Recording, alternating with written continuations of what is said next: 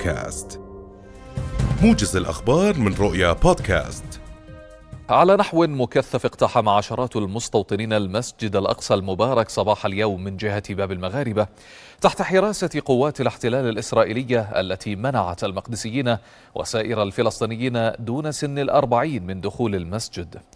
وكان وزير ما يسمى بالأمن القومي في حكومة الاحتلال إتمار بن خفير. قد أمر بدفع تعزيزات أمنية إلى داخل المسجد من أجل تفريغه من المصلين وتأمين اقتحامات المستوطنين.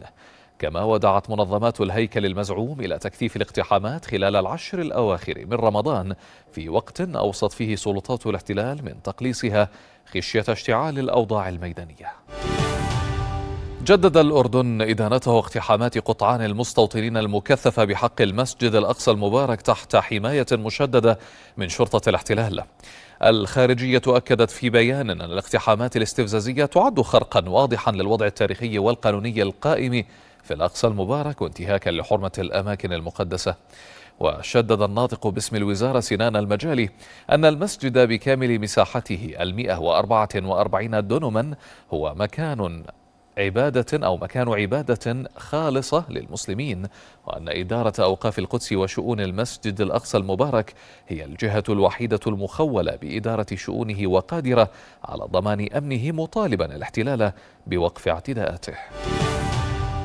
تضامنا مع المرابطين في فلسطين المحتلة وتأكيدا للوصاية الهاشمية على المقدسات الإسلامية والمسيحية في القدس نظمت اليوم فعاليات أو نظمت اليوم فعاليات نقابية وطلابية وقفات احتجاجية منفصلة.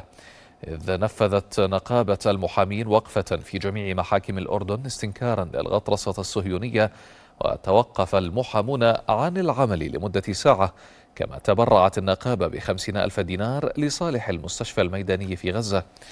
وفي جامعة اليرموك نظم عشرات الطلبة وقفة عبروا فيها عن رفضهم للاعتداءات الصهيونية. بقداديس وترانيم ودورات احتفالية في كنائس المملكة. أحيا مسيحيو الأردن أحد الشعنين على عتبة أسبوع الآلام الذي سيتوج بعيد الفصح المجيد يوم الأحد المقبل. ولوح المصلون بأغصان الزيتون وصعف النخيل والشموع استذكارا لبهجة استقبال السيد المسيح في القدس قبل ألفي عام. وترأس النائب البطريركي اللتين المطران جمال دعيبس القداس الاحتفالي في كنيسة سيدة الكرمل بمنطقة الهاشم الشمالي بمشاركة جمع غفير من المصلين. أطلفت كوادر الرقابة والتفتيش التابعة لمؤسسة الغذاء والدواء 45 طنا من المواد الغذائية منذ بداية الشهر الفضيل لمخالفتها الاشتراطات الصحية. المدير العام للمؤسسة نزار مهدات ذكر في بيان أن الفرق المعنية نفذت قرابة أربعة آلاف جولة أتلفت خلالها أربعة آلاف لتر من المواد الغذائية السائلة وثلاثة وعشرين ألف لتر من العصائر الرمضانية إضافة إلى حز ستة وستين ألف كيلوغرام من الأغذية المتداولة لغايات الفحص المخبري.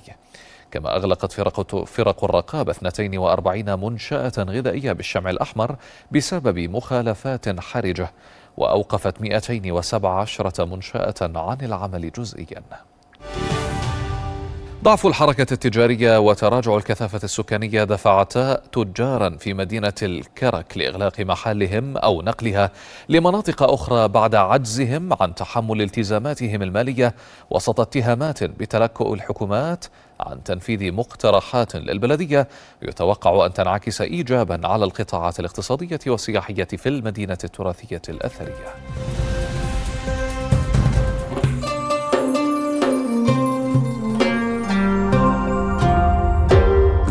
بودكاست